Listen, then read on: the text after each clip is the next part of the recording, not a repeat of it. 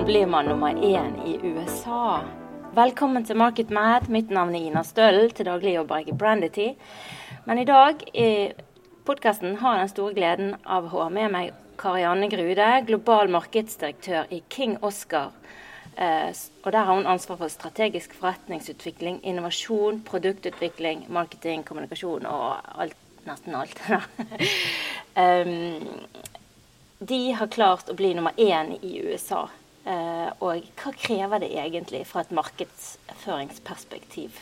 Velkommen, eh, Karianne. Takk skal du ha. Det er jo en glede å bli invitert. Ja, det er kjempegøy. Jeg har fulgt deg på LinkedIn og din kollega Bjørn. og eh, jeg bare kjenner det kribler i det caset deres. Det er så utrolig kult hva dere får til. Um, fra Bergen, nede på kaien der. Blitt et milliardkonsern. Størst i USA på sardiner? Sardiner bl.a., ja. ja. Mm. Men eh, dere har planer om mer? det skal vi høre om. Men før vi Det er kanskje ikke alle som er like glad i uh, makrell i tomat og tunfisk og sardiner som meg, da. Så kanskje du kan fortelle litt sånn Gi oss litt bakgrunn om King Oscar. Hva er dette for et, uh, en merkevare og et selskap? Jeg tror det er da veldig greit med å starte med at selskapet har jo en veldig lang historie. Vi hadde jo 120-årsjubileum i fjor. Ja. Og det hører jo veldig i sammen med at i november 1902 så ble jo da Altså den kongen vi hadde på det tidspunktet, ja. King Oscar, han ga jo da sin godkjennelse for at vi kunne da bruke hans navn og hans portrett mm. til å markedsføre sardiner. Og det er jo et ekte kvalitetsstempel å få det av eh, kongen ja. sjøl. Ja. Så det er på en måte starten på hele King Oscar-merkevaren. Og det er vi jo selvfølgelig enormt stolte av. Ja, altså nå fikk jeg bare sånn Er det kanskje Norges eldste eh, kloke merkevaretanke? Altså, hvem vet? Altså King Oscar var jo veldig innovative i sin tid. Ja. med eh, masse etikettproduksjon i Stavanger, og første reklamefilmen. Eh, ja. Så veldig innovative. Ja, tidlig. Ja. Veldig kult. Men vi var jo en sånn sildenasjon den gangen i hva blir det da, 1902 eller noe ja, sånt? Ja, sant? sardin og sild, ja. Mm. Ja, men den tid er jo forbi. Det. Men det er nå dere virkelig vokser. Så denne reisen dere holder på med, begynte for noen år tilbake, da. Men kan vi, kan vi få lov å liksom høre litt. Hvordan, hvordan gjør vi dette, Karianne? Ja. hvordan, hvordan, vokser man i USA? Ja. Eh, og, og, og dobler omsetning siden 2014 osv. Ja. Eh, jeg tror det er greit å si det at uh, King Oscar er jo òg eh, et selskap som har da liksom tre hovedmarkeder. Bare for å sette liksom, ja. rammen for selskapet. Vi opererer jo i Norge, som er heimemarkedet. Og hovedkontoret er jo i Norge, Bergen. Eh, men så er det jo Polen òg, som er et stort marked for oss. Men USA har alltid vært det største og det viktigste markedet for oss. Ja. Og det starta jo faktisk med at i 1903 så ble jo King Oscar for første gang gikk ut og inn i USA. Så det at vi starta så utrolig tidlig I 1903, sa du det? I 1903, ja. Gjør jo at vi har en kjempe kjempelang historie der. Ja. Og det har jo òg selvfølgelig sammenheng med at det var en stor eh, sardinhermetikkindustri eh, i USA allerede den gang. Ja. Og selvfølgelig var det jo mange utflyttere fra Norge som reiste til USA på 1800-1900-tallet. Og den historien der, ja. den nyter vi jo godt av ennå. Ja. Men bare for å holde på den. Var det ja. eksportert fra Norge i 1903, eller var det, var det produsert i USA? Nei, eksportert fra Norge. Så sikkert mm. om bord på de skipene når folk emigrerte, så hev, hev vi på noen tønner med sardiner. ja. Så ja. Nei, den uh, lange, lange historie, altså. Så USA var veldig tidlig uh, ute for oss, da. Ja. Mm fascinerende egentlig å tenke på den dag i dag. Og de som er der i dag, som, det, jo det ikke bare disse eh, norske etterkommerne som kjøper disse produktene, da. Men, men, du sier at det har litt Er det den assosiasjonen til Norge som er, er viktig i det For dere bruker King Oscar, og dere bruker mm. kongen på emballasjen der òg. Mm. Mm. Ja. Men det er klart at for merkevaren King Oscar så er jo det norske opphavet veldig viktig, da. For Norge er jo selvfølgelig sett på som en sjømat ja. ja. eller fiskeprodusenter. Veldig mange gode assosiasjoner knytta til Norge som land, altså den kulturen vi står for. Men ikke minst selvfølgelig at vi har et kaldt hav, lang kyst selvfølgelig. Ja. Godt omdømme generelt liksom i verden. På mange nivåer, da. Ja. Alt ifra liksom politikk til fisk, for å si det sånn. da. ja. Så er- hvor er dere liksom i dag, da? Da er dere eh, i disse tre markedene, som du sier. Polen, Norge og ikke minst USA. Mm. USA, er det liksom der det satses mest? Det er jo et veldig prioritert marked for oss. Det er jo Ja. 50 av omsetninga, og utrolig og eh, lønnsomt. Eh, I USA så er det jo veldig høy betalingsvilje òg. Ja. Og et land som USA med x antall millioner folk ja. kontra Norge altså, Det blir noen sardiner. Det blir noen sardiner, ja. Så ja, nummer én. Men vi har jo òg tilstedeværelse i 29 andre, eller i 29 marked totalt sett i verden, da. Ja. Så det er jo klart at det er et stort eh, eksportpotensial der ute, da. Ja. eh, utover de store markedene òg. Ja. Så Japan, for eksempel, har vi jo vært lenge i. Mm. Eh, Australia. Eh, Sør-Afrika, for eksempel, kan jeg nevne. Ja. Canada er jo et ganske nytt land for oss. ja. UK er et ganske nytt land for oss. Men eh, ja, stor miks. Ja, men her skjer det noe. Men uh, hvordan uh, Hvordan vokser man i USA, da? Altså Den reisen har jo dere egentlig gjort. Én ting å være der fra Ja. 1903, men det er jo Ja. nå det virkelig tar av, og man blir nummer én i kategorien. da. Hva, hva er hvor, hvor, hvor begynner du? Ja. Jeg tror altså det viktigste hvis du skal vokse, for å si det sånn, da, det er jo at du må gjøre en grundig jobb. Og da tenker jeg jo på strategi, fokus, prioriteringer. Mm. Og hvis du er eh, internasjonale, og du har en eh, portefølje da, av mange markeder, så noe av det første du jeg må bestemme deg for, det er jo er det en plass vi skal satse sterkere. Altså rett og slett foreta en prioritering. Ja. Og for vår del så har jo det vært bl.a. USA, der vi sa det, vet du hva, her gjør vi det veldig bra, men her skal vi gå inn og gjøre det enda bedre. ja. Ta posisjon enda sterkere, bygge på det vi har. Så det med nummer én, vurdere liksom geografien din. Hvor er det godt vekstpotensial? Hvor er det lønnsomhet å ta ut? Det er viktig. For det, det er jo klart at da rigger du deg. Du rigger organisasjonen, eh, ressursene, og går inn og på en måte allokerer riktig. ja. Så det er viktig. Men forstå liksom først det geografien du skal inn i. Hvor er det lønnsomt, hvor er det vekst, og hvor kan du ta ut et potensial. Mm. Det er nummer én. ja. Så ja. Det er ikke, ikke bare det. Nei da, det er ikke bare det, nei. Men uh, så er det jo uh, veldig viktig da, å forstå da, hva som skjer i det markedet. Ja. Altså trendene. Ja. Uh, hvor er det vekst? Hvor er det f.eks. nedgang, da? Mm. Eh, er det volumvekst? Er det verdivekst? Um, for vår del, da, eh, så så vi jo det at sardiner er jo i vekst, men veldig liten vekst. ja. Så det er jo klart at OK, skal du vokse da, så må du iallfall beholde det du har. Mm. Så det med å holde posisjon, veldig viktig for sardiner. Men skal du vokse utover det, så er det jo klart at da må du inn i andre kategorier. ja. Hva er- funker i USA, da? Hva kategori snakker du om da? Ja. Vårt valg nummer to ble jo da å eh, gå inn i makrell. Det var jo et eh, veldig egentlig lite eh, marked, men veldig stort potensial. Fordi at Ja. makrell er jo egentlig ganske likt tunfisk i smak. Ja. Og i USA så er jo tunfisk si 90% av totale markedet. Så eh, i makrellmarkedet så var det ingenting som hadde god kvalitet. Det var veldig Å, mye ja. dårlige kvalitetsprodukter. Mens Ja. King Oscar er jo kjent for å holde en veldig høy kvalitetsstandard. Og da hadde vi allerede en veldig bra serie av produkt som var blitt utvikla i Norge, med skinnfri makrell. Mm.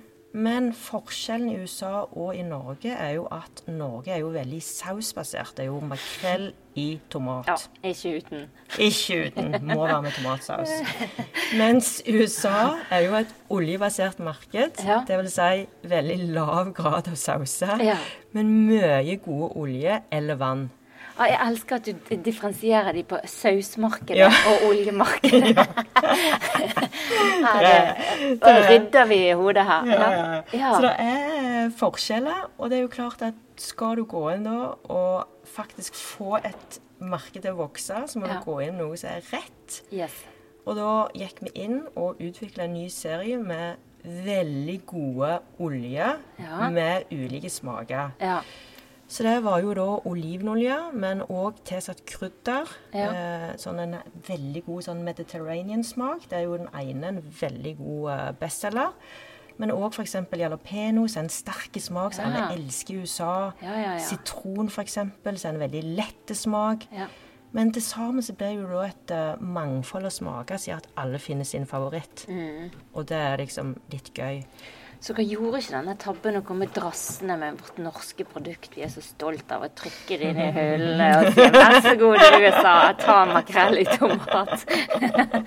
det var ikke løsningen. Nei, det var faktisk ikke løsningen. Eh, så det er jo veldig viktig da å forstå liksom hva folk spiser, og hvor markedet er Ja. henne. Så Ja. makrell for oss har jo da gått ifra å være noe som var veldig lite i USA, Ja. til å bli en skikkelig suksesshistorie. Vi har investert. Ja. Eh, og fått det på plass i hyllene. Eh, du må jo betale òg for å komme deg inn i hyllene i USA. ja. Men det med distribusjon er jo eh, Ja, hjelpe meg. altså Men- alfa og omega. Ja, det er det jo i Norge òg, for å si det sånn. Absolutt. Men he- i USA, da kan du kjøpe hylleplass, eller må du kjøpe hylleplass? Altså dette varierer jo. De fleste eh, dagligvarekjedene må du betale i. Walmart er den eneste du slipper. Ja. Men det er jo klart at du kommer jo ikke til USA og bare sier eh, jeg åpner opp pengeskrinet, her Ja. er cash, eh, Ja, jeg jeg meg- vil ha hundeplass. Gi meg Du to felt. Ja, du må, du må faktisk Ja. òg der ha noe som er interessant. Ja. Så det har noe som er unikt, noe som kan gjøre at kategorien vokser, Mm. gjør at handelen faktisk tjener penger Ja. og ser en interesse av at dette kan bli en suksess. Mm. Så det er jo likt overalt, kan du si. Samme Ja. hvor du beveger deg, selvfølgelig. Men da må jo du ha gjort den for Det er et forarbeid, sant? For å komme og si Vi vet at disse produktene Mm, vil treffe de og de Mm. kundene. mm, Sant? Hva, hva var det arbeidet dere gjorde? For dere kom ikke med denne makrell i tomat. mm. Hvordan, hva innsikt eh, trengte dere for å treffe med produktene? Mm. Altså Det som er veldig viktig eh, del av jobben, det er jo utover markedet, det er jo å se på konkurrentene og situasjonen der. Eh, F.eks. i USA da, så var det jo prega av å være et veldig lavt prisa eller veldig høyt prisa marked. Mm. Men de som allerede var til stede på det som var høyt prisa, var veldig nisjeorienterte marked. Ja. Så King Oscar hadde jo da et større potensial til å nå ut ja. med en rett prisposisjonering. Så det med rett pris og konsept henger jo veldig godt i sammen, da. Mm. Eh, Men det er så vanskelig. ja, det er vanskelig, Uh, men hvis du gjør liksom analysene Ja. Eh, Prisposisjonerer ofte etter tre-fire egne variabler, da. Ja. Der du begynner selvfølgelig på bånn med lav pris, så har du jo eh, mainstream, og så har du jo mainstream premium, Mm. og så har du jo egen premium, superpremium på toppen. Mm. Eh, men går du rett inn da i eh, prissegmentet som du tror du kan nå fram i, Ja. Eh, basert på hva de andre gjør, Ja. så har du ganske god mulighet for å treffe, altså, Ja. med rett produkt. Men det er jo viktig at smaken sitter, eh, at du får prøving, Ja. og at produktet ditt er så godt òg at du får gjenkjøp. ja. Så det er jo klart at her gjorde jo vi et stykke arbeid når det gjaldt forbrukerinnsikt. Gikk flere runder på produktutvikling, Ja. testa det med forbruker. Altså Mm. kvantitativt, kvalitativt. Mm. Eh, viktig å både se tallene eh, sin tale, men òg lytte hva forbrukeren faktisk har å si. ja. Så det å klassisk sitte bak et speil, Mhm. som du gjerne skulle tro hadde gått ut på dato. Observere og se på virkelige folk. Ja. Altså, det er jo gjeldende dags dato. Ja, det er mye innsikt der. Yes. Se på folk åpne en boks med, Ja. med sånn i olje. Ja, ja, ja. Høre hva de sier, hva de lukter, hva de smaker. Ja. Første eh, impulsive meningene deres. Ja. Mm. Men altså, hvis du tenker bare som en anekdote til det, når du tenker tilbake til når dere akkurat begynte det arbeidet, var det noen sånne eh, innsikter dere fant tidlig så dere tenkte jøss, dette må vi Dette hadde ikke vi tenkt på, eller dette er annerledes enn de andre markedene, eller? Altså, jeg tror at den viktigste innsikten her er at det var noe som var veldig lite. Altså det var et veldig lite marked Ja. med stort potensial og fordi det ligner så på tunfisk. Mm. Og det var få konkurrenter. Og hvis Ja. du da kan komme inn, så har du jo egentlig en litt sånn åpen vei, da. Ja. For du blir jo ikke møtt med samme konkurrentsituasjon da. Det er jo en lav interesse i utgangspunktet. Men da må jo du samtidig òg skape det, da. Du Det må må jo du. eh, skape liksom en interesse for nye produkter som folk ikke har tenkt før. Absolutt. Ja. Og da er det jo viktig bl.a. å krysselge.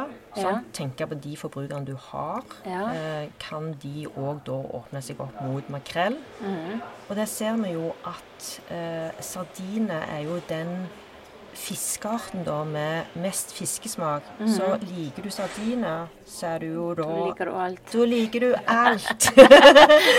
Men altså, er du en veldig sånn heavy tunfiskspiser, så er det ikke sikkert du er åpen for sardiner. Nei. Men det er klart at når vi starter det mest heavy av laget, Ja. så er det jo ganske gode muligheter for å selge rundt på andre fiskeslag, da. Ja.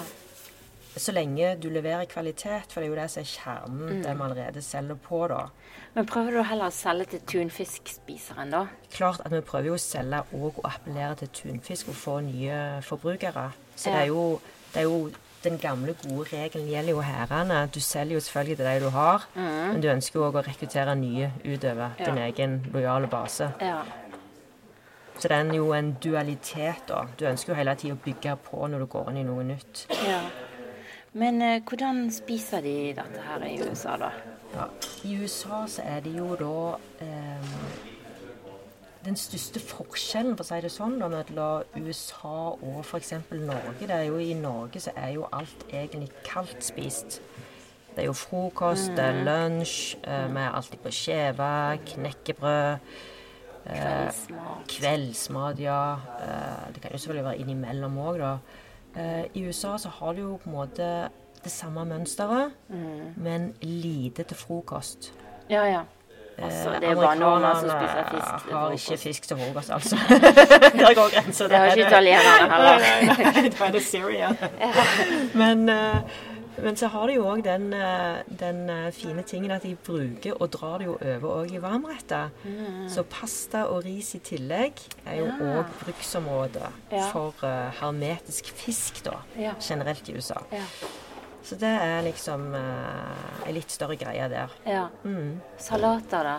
Absolutt, altså. De Ja. spiser jo mye mer salat enn det vi Ja, gjør. for de spiser ikke skiver til lunsj heller. Nei. Så en ting er at de spiser ikke fri- fisk til frokost, men Stemmer det. Men de har en greie, og det er de liker jo veldig godt å toaste brød.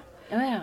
Og for eksempel da, sardiner på toast er jo en slager, for å si det sånn. Å ja. Det liksom smelter sammen og blir veldig godt for en amerikaner. Ja. Men eh, ellers kan du si at eh, mye av produktene blir jo faktisk spist rett fra boksen. Elsker du det, så bare gomler du det i deg. Ja. Så du har liksom hele spekteret. ja. Mm. Er det et sånn mitt produkt? Er det min, min makrell? Er det Ja, altså dette her varierer jo litt. eh, Det er gjerne ikke nå- et sosialt produkt, er det? Nei, du kan si at der er jo nok sardiner i en særklasse til å være litt sånn Jeg vil kalle det for Jeg vet det høres rart ut, men det er en litt sånn indulgence. sjåfør deg troika-reklame. Ja, der du sitter liksom bare og piler av lag på lag Ja. av eh, de ulike sjokoladeteksturene. Ja. Yes. Sardiner er litt det samme for en mann. Altså Ja. Han sitter og koser seg, åpner opp boksen Ja. For seg sjøl. eh, kosestund, me moment, kvalitetstid. Du som mann, hva drikker han til? eh, Hva, hva, hva, hva, hva drikke har vi til en boks med sardiner når vi virkelig Go- Godt spørsmål. Eh, du kan godt pare det opp med et godt glass øl og et godt glass vin, men til vanlig er det nok ikke det som det går mest i. Men eh, ja, Men hvem er den kjernekunden, da? Du sa mann. Er det en mann? det er en mann. Ja. Eh, men det er òg dame. Men Ja. det er jo klart at eh, veldig mye av hovedvekten ligger jo på 50 pluss, kanskje 60 pluss òg i USA. Det er folk med høy utdanning, de er høy inntekt. Ja. Eh, Og nå snakker jeg om USA. Ja. eh, Og de er veldig òg oppegående når det gjelder fisk. Ja. Altså De har eh, skjønt at fisk er sunt. Ja. Bevisst forhold til hva de spiser. De ønsker kvalitet. Ja. de kan lage mat. Å ja. Og det er liksom Ja. Det er mye bra. yes. Mye bra menn der, altså. Ja. King Oscar-målgruppa. Så Er det, er, tenderer vi mot sånn fitness òg, da? Er det, går det inn i en sånn helhetlig livsstils... Ja, det er klart at, det er klart at en del eh, er jo òg fitnessinteressert. Mhm. Men menig mann er mer opptatt av at det skal smake godt og være høy kvalitet på det du spiser. Ja, det er det aller, aller, aller viktigste driveren. Ja. Så eh, smaker godt, god kvalitet, sunt. Det er liksom Mm. Jeg spiser ikke fordi jeg bare skal fylle opp proteiner, f.eks. ja. Det, Det er ikke nok. det er ikke nok. nå. Så det er ikke det, det du selger på? Det er ikke det vi selger på nå. Nei. Nei. Men du har jo OK. Så det er litt andre måltidssituasjoner. Det er litt andre produkter. Hva med emballasje, da? Måtte du tilpasse det? Eh, emballasjen der eh, valgte vi i USA å gå litt annerledes. Eh, vi har jo da valgt en eh, pakning som har mer fokus egentlig på smakene. Mm. I eh, King Oscar så er vi veldig opptatt av å bygge en rød hyllevegg. Eh, Ja. Fordi at det gir synlighet. Ja. Men her har vi valgt å gi de eh, smakene mer eh, visuelt ja. avtrykk da, på pakningen. Og det tror jeg har slått an, Mm. fordi det trigger jo eh, veldig på noe nytt. Og det trigger jo òg på det med mm, den yummy-følelsen. ja. Så det tror jeg har vært eh, bra, selv om det ikke har vært så rødt ja. som jeg egentlig liker eh, å være. Ja, men det kan jo være at, du, eh, at det der må liksom brukes At du først må få de til å begynne å bruke produktene, da. Ja, ja, Og så må du minne dem på at det er Ja. King Oscar. ja. Og det er litt test and learn òg. Ja. Ja, men en suksess har det vært med å gå litt annerledes.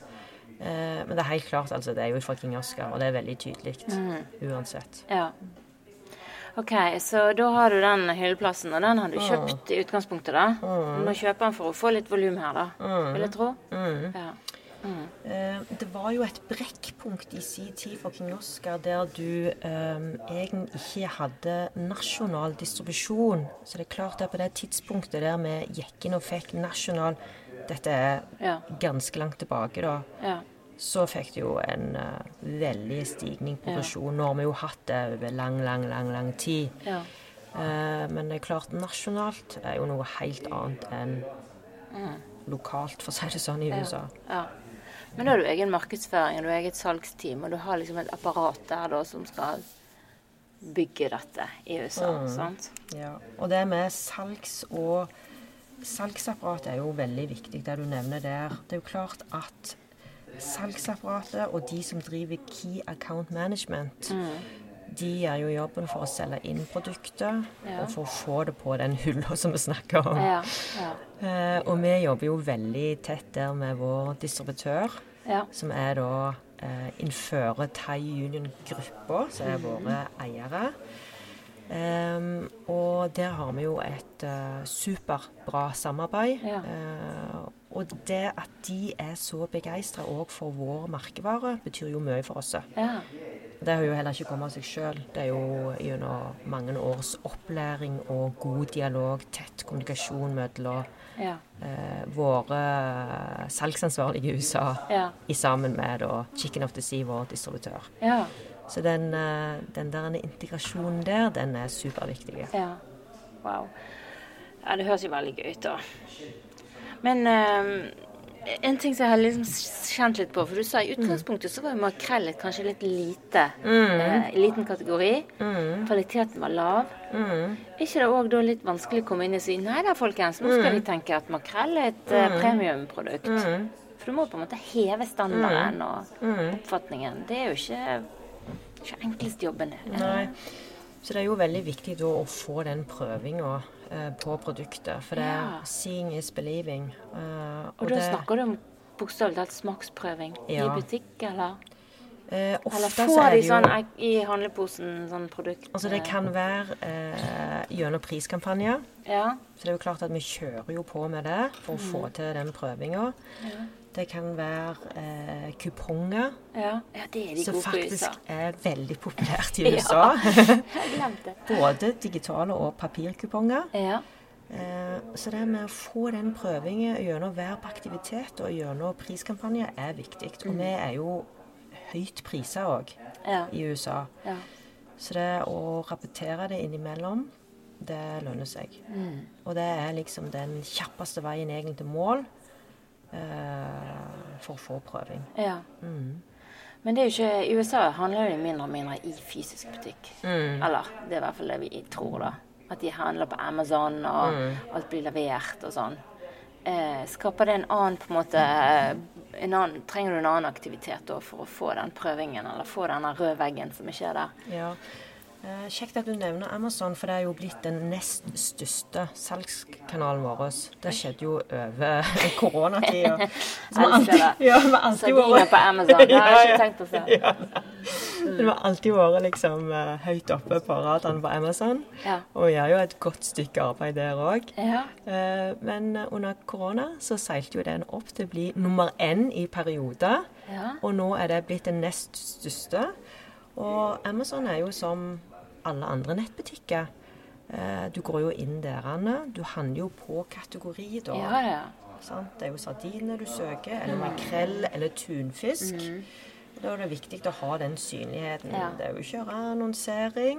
Eh, Andre kjøpte dette produktet. ja, ja, ja. Kan du kjøpe sånn plassering? Jeg Ja. kjøpt og betalt i dag. Ja, du kan kjøpe deg plassering med selvfølgelig annonsering på sida. Ja. Eh, og vi har jo òg en egen King Oscar eh, brandshop på Amazon. Mm. Så da kan du gå inn, og du blir jo møtt med en rød vegg. Ja. Eh, og fine bilder, gode liksom demoer av produktet, da. ja. Oppskrifter og sånn? Oppskrifter, noe, ja. ja, eller vise hvordan du kan bruke det. Yes. Ja. Så det er jo klart at du har den der eh, i tillegg, så driver jo det prøving. Ja. Definitivt. Det er jo en måte å synliggjøre veldig godt hele produktutvalget. ja.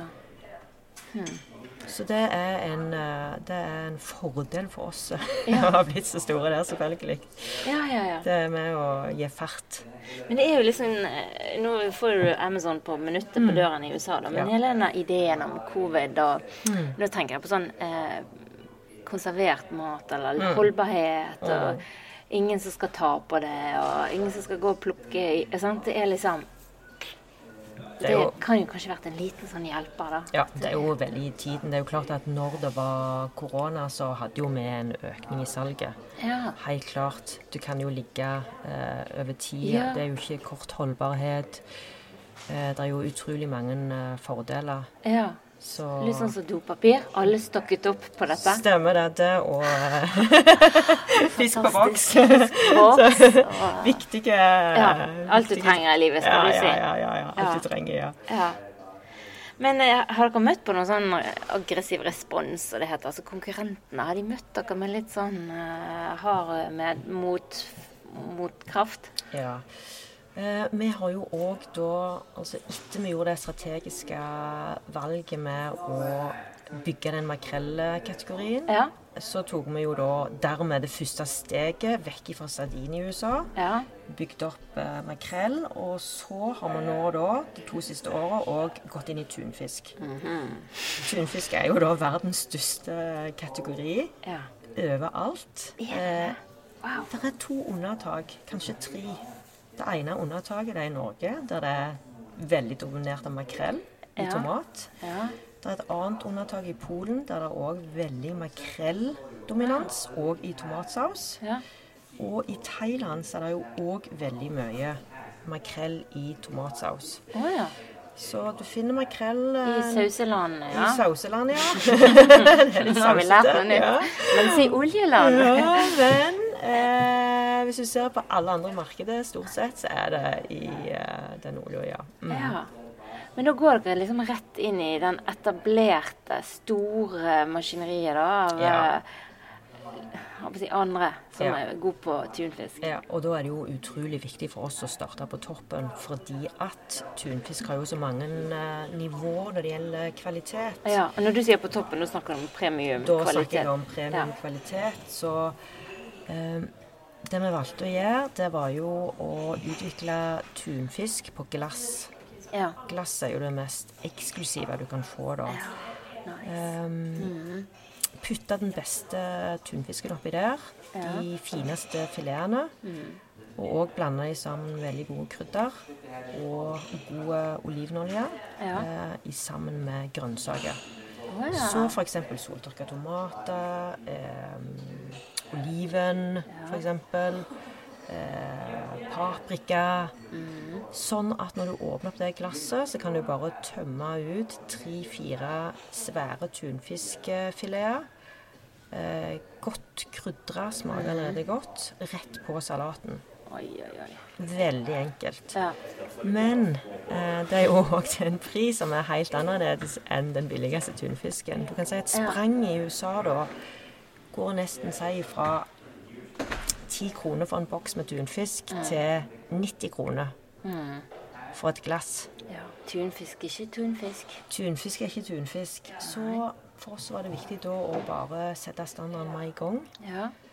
La dere dere over den fineste, eller ved siden av? Vi la oss jo på samme nivå, Ja. men med et helt nytt konsept. For det var ingen før som hadde presentert dette i en slags ferdigblanda Ja. miks. da. Yes.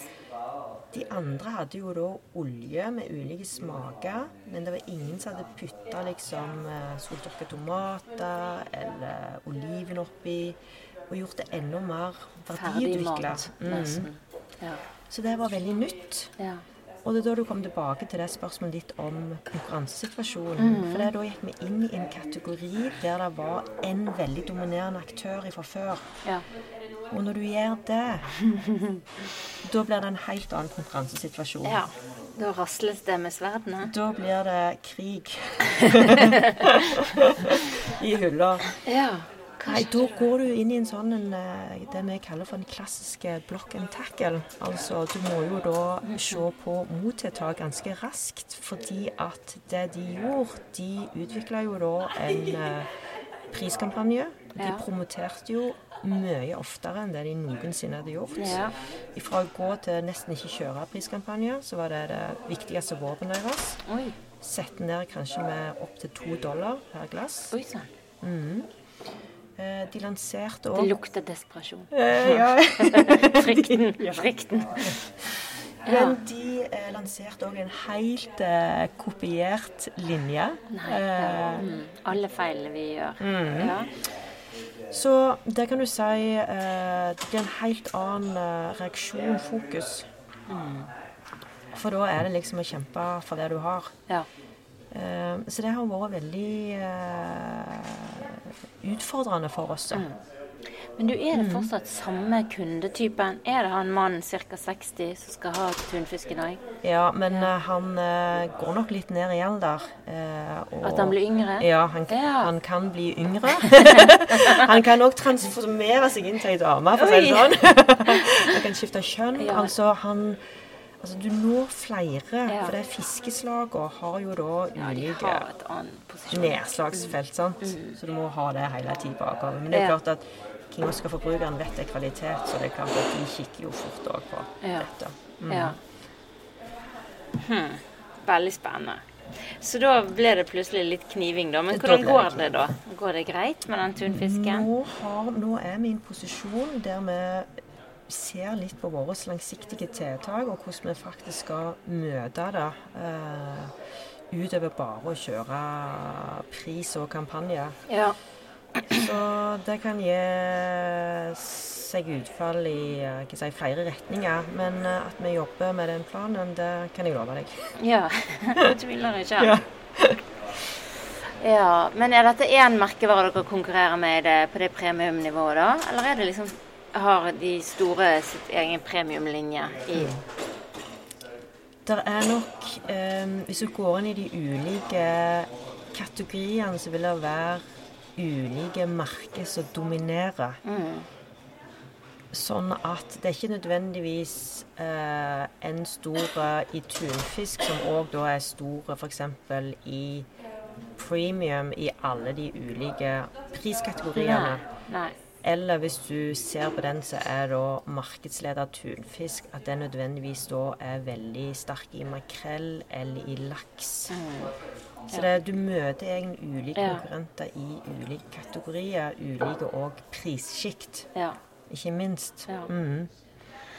Men i er denne nå, nå sitter jeg her og tenker jeg òg har lyst på denne tunfisken i sånne fileter her i Norge, men uh, den er, det er ikke noe for det norske markedet? Eller norske, norske markedet er ikke villige eller stort nok, eller hva?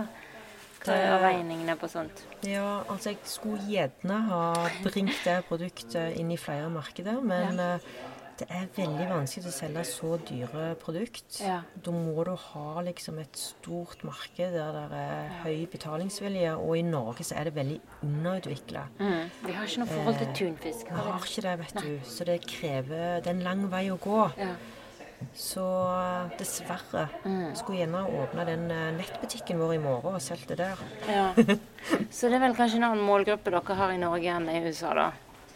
Her er det barnehager og unge og matpakker, og der borte er det voksne menn med Ja, det er klart at det er jo det som er forskjellen på Norge og USA. da. Når du opererer med 4-5 millioner i Norge, så Ja. må du ha mye større spennvidde i- i forhold til målgruppene. Mens i USA kan du gå inn og ta i nisjer Ja. og fremdeles være gigantiske. ja, fem millioner. En liten forstad. Det er en liten by liten by Det er i USA. ikke det engang, vet du. Nei, vi må bare slutte å tenke på Ja. Norge. Vi tenker stort fra starten, tror Ja. jeg. Men eh, jeg sitter her og tenker, da, og det kan være jeg angrer på dette, og jeg eh, skyter meg sjøl i foten her, men jeg syns jo at Norge er veldig dårlig på Bortsett fra dette caset ditt, selvfølgelig. Men sjømatprodukter i utlandet, merkevarebygging. Vi er kanongode på produktene. Vi har den kvaliteten, vi har det renommeet. Men når du går i hyllene i utlandet og ser på norsk laks, f.eks., det er det er fravær av eh, både røde vegger og eh, matassosiasjoner. Det er pakket på vanskelig emballasje å åpne. Umulig å vite hva du skal bruke til hvis ikke du kommer på det sjøl. Hva hva som gjør at vi ikke lykkes med den type sjømatsprodukter i utlandet, sånn som dere har gjort? Med andre kategorier, da. Mm. Du, det er jo et uh, kjempegodt uh, spørsmål. Uh, personlig så er det jo veldig lett å sitte på sidelinja og slenge meg inn på Ja. debatten, men jeg tror jo det at det er jo mange herrene som har da hatt god lønnsomhet med å selge råvaren som Ja. den er. Ja. Og dermed òg ikke hatt et veldig sterkt insentiv da, for å bearbeide og for å bygge en merkevare utover et råvarekonsept. ja. Um, og det tror jeg er en av eh, årsakene, eh, sett fra sidelinja ja. i hvert fall. Ja. Eh, Og jeg kan, jeg, jeg kan jo forstå det, sant? fordi at eh, når du tjener mye penger allerede, Mm. så blir det gjerne ikke viktig nok, den siste lille knekken. Men jeg tror ikke den er liten, den knekken. Jeg tror det, du kan doble det, og du kan tredoble det hvis du virkelig treffer på merkevarer her, da. Mm. Og der eh, eh, har jeg veldig lyst til å si det, at det er jo, eh, sånn som du sier, et vanvittig potensial, tror jeg, å ta ut, som er, ligger der, men som ikke er blitt eh, systematisk jobbe med. Da. For er når du går nå i hyllene, så ser du jo at mye av differensieringa så er det jo eh, basert egentlig mye på produsentopphavsland. da. Ja. Yes. Eh, Det er Skottland, det er Frankrike, det er jo selvfølgelig Norge, det er Chile. Altså mm. det er ikke noe mer enn det. Nei. Eh, litt sånn forenkla sagt, da. Ja da. Så Og så er det røket laks i skiver, og så er det hva er forskjellen? At det kommer fra ulike land, og både Skottland og Norge har jo positive assosiasjoner. Så du er litt sånn ja, det. Du sitter litt støkk som forbruker. Hva skal jeg ta? Ja. Det blir pris veldig ofte det enkleste. Altså Ja. noe som er på kampanje, noe som er lav priser. ja. Og så er det òg sånne enkle ting som f.eks. da når du skal kose deg med denne røykelaksen, mm. så er det jo forpakninger som enten er gigantiske mm. Du må jo være en familie på 14 for å kunne åpne den. ja. Konfirmasjon. ja, ja, konfirmasjon, ja. Eller så er den jo rett og slett uh, litt mindre seisa, men umulig å lukke etterpå. Så det blir egentlig bare griseri Ja. eh, i kjøleskapet. Ja. Så det er jo mange gode grunner for ikke å kjøpe òg, da. Yes. Uh, men det er klart at det må gjøres et stykke arbeid her. Når en må gå inn liksom uh, konseptuelt tenke og starte en reise. Mm. Det koster. Det må utvikles over tid. Ja. Og det er klart at Vi har jo 120 års historie. Skal Ja du bygge noe framover, mm. så må du starte den reisen, og du må ha horisont. Og det er viktig. Men uh, altså Men altså, vi har jo skippet klippfisk ut fra, fra disse kaiene her i 1000 år, så det er jo ikke sånn at vi ikke har tiden på oss. Men, jeg er helt enig. Så det er kjekt, hyggelig, hyggelig, for deg å sitte her at noen har gjort et godt arbeid i, i, i 1903. Men, men tenk, tenk da, hvorfor er ikke den norske laksen liksom Hvorfor har ikke vi en merkevare på den på nivå med en Coca-Cola? Vi snakker om helt unikt premiumprodukt uh, som vi kunne pakket inn? Ja, nei, jeg vil uh, påstå at det er investeringsvilje og horisont. Eh, vi har jo alle muligheter for å gjøre det rett ja. som den nasjonen vi er. Ja. Og de gigantiske produsentene vi har her, mm. ikke minst i Bergen òg. Ja. som sitter egentlig på hele verdikjeden. Yes. Og jeg tror jo at skal du lykkes i dag på laks, så må du nettopp ha den posisjonen. Du må sitte på hele verdikjeden. Mm eh, skal du klare å gjøre det lønnsomt, og skal du klare å styre alle faktorene òg. Eh, ja. Så utgangspunktet er det absolutt. Ja.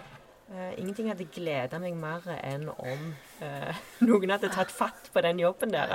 For det hadde alle i Norge hatt glede av. Ja. Absolutt. Og da kan jo være de tjener penger utover denne skatten som skal betales nå. For den går vel kun på sånn råvare, ja. gjør ikke den? Så legger vi på en feit sånn merkevareprofitt her, så går det da helt fint. Ja, ikke sant. Der har, har du løsninger. Ja, vi har løst det. Ja, ja, Der har du det. Åh, oh, ja, det er lett å sitte her, vet du. Det er det.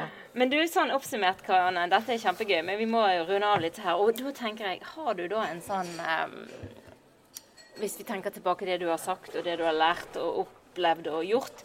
Hva er liksom, Har vi en smørbrødliste på for å lykkes med ja. Eh, globalisering av uh, merkevarer? Ja. Jeg tenker det at uh, hvis vi kan uh, kjapt liksom uh, peke på seks ting, så uh, skal du få den lista. Ja. Jeg tar notater. ja. Men jeg tror altså nummer én det er jo Du må tenke veldig kjapt over er markedet til stede, ja. eller skal det utvikles. Mm. Det er jo noe med å være i medvind, eller om du skal bygge det opp. Det er to helt forskjellige ja. utgangspunkt. Og så er det jo klart at skal du bygge det opp sjøl, så må du være villig til å investere. Men uh, går du inn og konkurrerer der det er noe, så møter du tøffe konkurranse. Mm. Så det er jo ett uh, første punkt. Uh, nummer to det er jo å tenke at tanken er din merkevare differensiert nok? de produktene du har, eller må ja. du faktisk justere mm. i forhold til den konkurransen du møter? Ja. Det er viktig.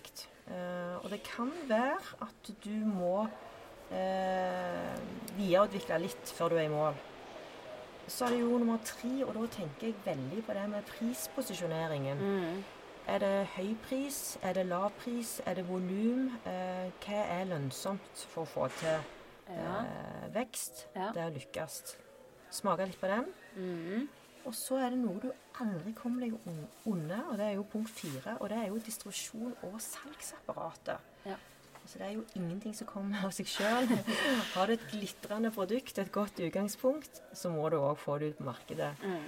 Og det å ha det på plass, det betyr jo alt. Ja.